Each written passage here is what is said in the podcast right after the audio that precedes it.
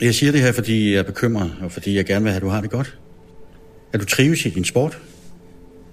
Men øh, du virker ikke glad for tiden. Simone, jeg er virkelig glad for, at du vil mødes og snakke lidt. Hvordan går det med holdkammeraterne? Jeg spørger, fordi at du virker sådan lidt uengageret i din træning for tiden. Nogle gange næsten trist. Kan du genkende noget af det?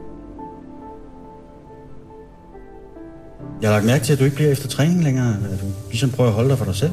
Du øh, klæder ikke om med de andre. Du, du bader ikke med de andre. Er der nogen speciel årsag til det? Jeg håber ikke, det er noget med mig eller selve træningen. at gøre- Nej, det er jo ikke mig, det handler om. Faktisk så er der rigtig mange andre, der også bøvler med noget lignende.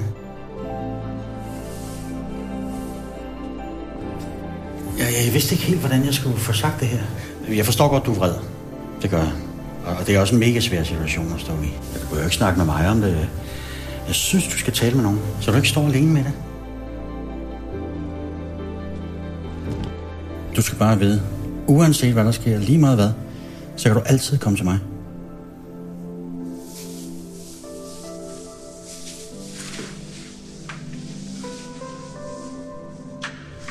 Hej Simone. Hej, det er fedt, du kunne komme. Ja, vi går lige her, så kan vi snakke en fred.